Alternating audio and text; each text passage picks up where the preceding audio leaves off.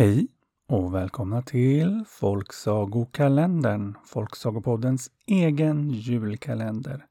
Där vi ju håller på och reser runt i världen. Och vi gör det ju i alfabetisk ordning.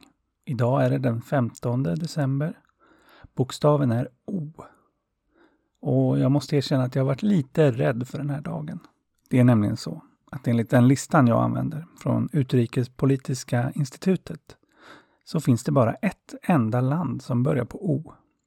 Och jag har varit lite nervös att det inte ska finnas några sagor därifrån. Eller sagor, det finns i alla länder, det vet jag. Men att det skulle vara svårt att hitta. Men det visade sig att min oro var onödig. För i Oman, som landet heter, så finns det absolut sagor. Och dessutom finns de på Google. Och så många sagor hittade jag att jag fick lite svårt att välja. Och när man är ensamt land på sin bokstav, då kan man väl få lite mer än en saga. Så vi börjar med några korta om Joha. Det var en gång när Joha var på väg till marknaden med sin åsna och sin son. Joha och hans son, de red på åsnan. Men när de red igenom en by så började folk att ropa efter dem. Oj, oj, oj, stackars åsnan. Sitter ni båda på honom? Åh, det är alldeles för tungt för en åsna. Och Joha tyckte det var pinsamt att få skäll på det där sättet. Så han bad sin son att gå bredvid och red själv på åsnan. Men snart red de förbi en annan by. Och då ropade människor istället. Ah, ska du som är stor och stark man låta ditt stackars barn gå medan du rider? Oj, oj, oj, oj, oj. Ja, då tyckte jag hade blivit pinsamt igen. Så han gick och hans son fick rida istället. Men i nästa by så ropade folk istället. Va? Måste åsnan bära någon på väg till marknaden? Han kommer ju vara full av saker ni har köpt på vägen hem. Han kommer vara slut innan ni kommer fram. Ja, nu börjar det bli svårt för Joha. Han tyckte han hade provat på alla möjliga sätt, men inget verkade göra folk nöjda. Men om nu åsnan behöver vila, ja, då skulle han väl få vila då, tänkte Joha och satte upp åsnan på sina axlar. Det var förstås väldigt tungt. Men det gick. Men när de kom till nästa by så skrattade folk åt honom och pekade. Men nu hade han fått nog och sa till sin son att bry dig inte om dem. Folk är aldrig nöjda hur man än gör. En annan gång var Joha på resa upp i bergen med sin åsna. När den plötsligt kom bort. Han letade förstås länge, men han hittade den inte och kom tillbaks från sin resa utan sin åsna. Och folk tyckte synd om honom som blivit av med åsnan. Men Joha, han var inte ledsen. Han såg det positivt. Ja, det var ju lite otur, men vilken himla tur att inte jag var med åsnan själv. Då hade jag ju tappat bort mig själv. Åh, vad jobbigt att behöva leta efter sig själv. Nej, tur att det inte blev så. En annan gång skulle Joha såga ner en gren från ett träd. Så han klättrade upp i trädet, satte sig på grenen och började såga. När en man kom förbi och såg vad han höll på med så ropade han. Men Joha, du kan ju inte såga på grenen du sitter på, du kommer ramla ner. Och Joha tänkte, det kan han ju inte veta. Och fortsatte såga. Men mycket riktigt, när grenen gick av föll Joha också ner. Och nu förstod han något. Mannen såg in i framtiden. Så han sprang genast till honom och sa Hur kunde du veta att jag skulle ramla ner? Du kan se in i framtiden. Snälla, kan du inte berätta för mig, hur kommer jag att dö? Och mannen förklarade att han inte alls kunde se in i framtiden, att han bara räknat ut vad som skulle hända, för att vem som helst kunde göra det. Men Joha vägrade lyssna och fortsatte tjata om att få en förutsägelse om hur han kunde dö. Så för att bli av med honom så sa mannen till slut Du kommer dö när du hör din åsna fisa. Kan du gå nu? Och nu var Johan nöjd, men också lite rädd. Han spenderade ju mycket tid med sin åsna och den kunde ju bli lite pruttig ibland. Men det gick ändå några dagar utan att åsnan fes, i alla fall så att Joha hörde. Men så en dag, mitt i en korsning, när de just skulle svänga, så la åsnan av en brakare. Så Joha förstod att han var död nu, så han la sig helt enkelt ner där i korsningen. Ja, det var inte så värst kul att vara död. Inte jättestor skillnad från att vara levande heller, förutom att man var tvungen att ligga stilla förstås. Ja, hur länge han låg där, det vet jag inte riktigt, men efter ett tag kom i alla fall en grupp män som var på väg till en viss by. Men när de kom till korsningen visste de inte vart byn låg, så de började dividera med varann. Till slut var det en man som var lite mer bestämd som sa ”Den är hitåt”. Fast Joha visste att det var fel håll. Och han tyckte det var synd att han var död så han inte kunde säga något. Men de diskuterade en liten stund till och till slut så började de gå åt fel håll. Och då kunde inte Joha hålla sig utan ropade ”Ni går åt fel håll!”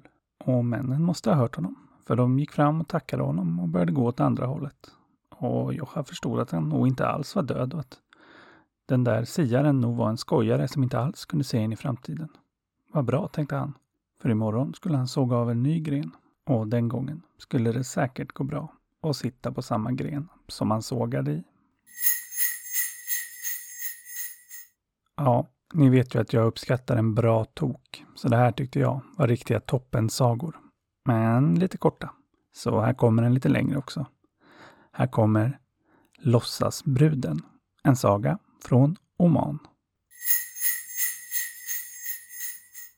Det var en gång en girig och lurig man som fick se självaste prinsen komma gående på gatan nedanför hans fönster.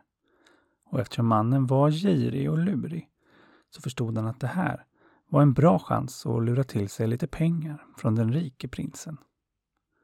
Så snabbt som ögat kläckte han en plan och gjorde en blandning av allt han hade i sitt hem som luktade gott. Det var dyra fina parfymer. Det var rökelse, det var myrra, det var sandalträ. Ja, blandningen luktade helt underbart. Och alldeles innan prinsen kommit fram till hans hus så slängde han ut det genom fönstret. Så när prinsen och hans stora följe av rådgivare och tjänare närmade sig så doftade det alldeles, alldeles underbart utanför mannens hus. Så prinsen stannade upp och undrade vad det var som luktade så gott. Tjänarna och rådgivarna visste ju inte. Men de tänkte att det måste komma från huset där. Ta genast hit herren som bor här, sa prinsen. Så de knackade på och den girige mannen klev ut och fick frågan vad det var som luktade så gott utanför hans hus. Och mannen låtsades som att han inte visste. Ja, vad skulle det kunna vara? Det tror jag inte är något speciellt. Ja, det är klart, min dotter hon sköljde ju händerna i lite vatten nyss och kastade ut vatten genom fönstret. Så det är väl kanske doften från hennes händer. Jag har aldrig tänkt att hon luktar något speciellt. Sa mannen. Och prinsen tackade så mycket. Mannen gick in igen och prinsen gick hem. Men han kunde inte sluta tänka på den där doften. Tänk en människa som har händer som doftar så där gott. Hur gott måste inte hela hon lukta? Och vilken fantastisk människa måste det inte vara? Ja, faktiskt. Prinsen blev kär. Bara i doften. Och eftersom prinsar är vana att få som de vill så hade han dagen efter bestämt sig för att han ville gifta sig med den där mannens dotter som hade så väldoftande händer. Så han skickade sin främste rådgivare tillbaka till mannen med ett erbjudande om en väldigt stor hemgift, alltså pengar, om prinsen fick gifta sig med mannens dotter. Och mannen tackade förstås ja. Han var glad att han skulle få väldigt mycket pengar. Och det bestämdes att om några dagar så skulle rådgivaren komma tillbaks med alla pengar och hämta dottern. Ja, nu var det bara ett litet problem. Mannen hade inte ens någon dotter. Men för en lurig person är det ett mindre problem. Han skaffade fram en trädocka i precis lagom storlek för en blivande prinsessa. Och så klädde han den i allsköns massa klänningar och sjalar så att inget syntes av henne. Och så dränkte han in henne i mer av parfymen och oljorna, myrran och rökelsen. Så hon doftade lika gott som han sagt att hennes händer gjorde. Och några dagar senare så kom rådgivaren tillbaka med hemgiften. Och som tur var så hade han med sig en kamel med en stängd kupé på, där den blivande prinsessan skulle sitta. Så där lyfte mannen in henne och nu visste han att hans trick inte skulle avslöjas förrän kamelen hade nått fram till slottet. Så han skulle ha gott om tid på sig att fly därifrån med alla pengar. Och så fort rådgivaren åkte iväg med trädockan han låtsades vara hans dotter så packade han ihop allt och försvann för att aldrig mer synas i landet igen. Men kamelen med den lilla kupén på, den drog till sig mycket uppmärksamhet. Inte bara för att de visste att det var prinsens kamel, utan för att den också doftade så gott. så många människor följde den på gatan. Och uppe i ett hus satt en ande och kände doften så han var tvungen att gå ut på sin balkong för att se vad det var. Ja, egentligen så var anden på ganska dåligt humör för han hade fått en stor böld på huvudet som gjorde väldigt ont. Men nyfiken var han ju ändå. Och med sina magiska krafter gjorde han så att han kunde se inuti den lilla kupén där trädockan satt. Och han såg att det var en väldigt välklädd och väldoftande trädocka. Och han förstod att det var jäkelskap på gång. Någon hade lurat någon riktigt ordentligt, förstod han. Och var det något som anden uppskattade så var det ett riktigt bra lur. Så han började att gapskratta åt tanken på vem som än skulle möta den här fantastiskt vackra och väldoftande dockan. Och han skrattade så mycket att bölden, den sprack. Åh, vad skönt det var. All smärta som anden hade haft försvann på ett ögonblick. Och plötsligt tyckte han lite synd om den stackaren som skulle möta en docka, när han nog egentligen förväntade sig en vacker flicka. Men så kom han på ett sätt att slå två flugor i en smäll. Han hade nämligen en dotter som han hade svårt att få bortgift.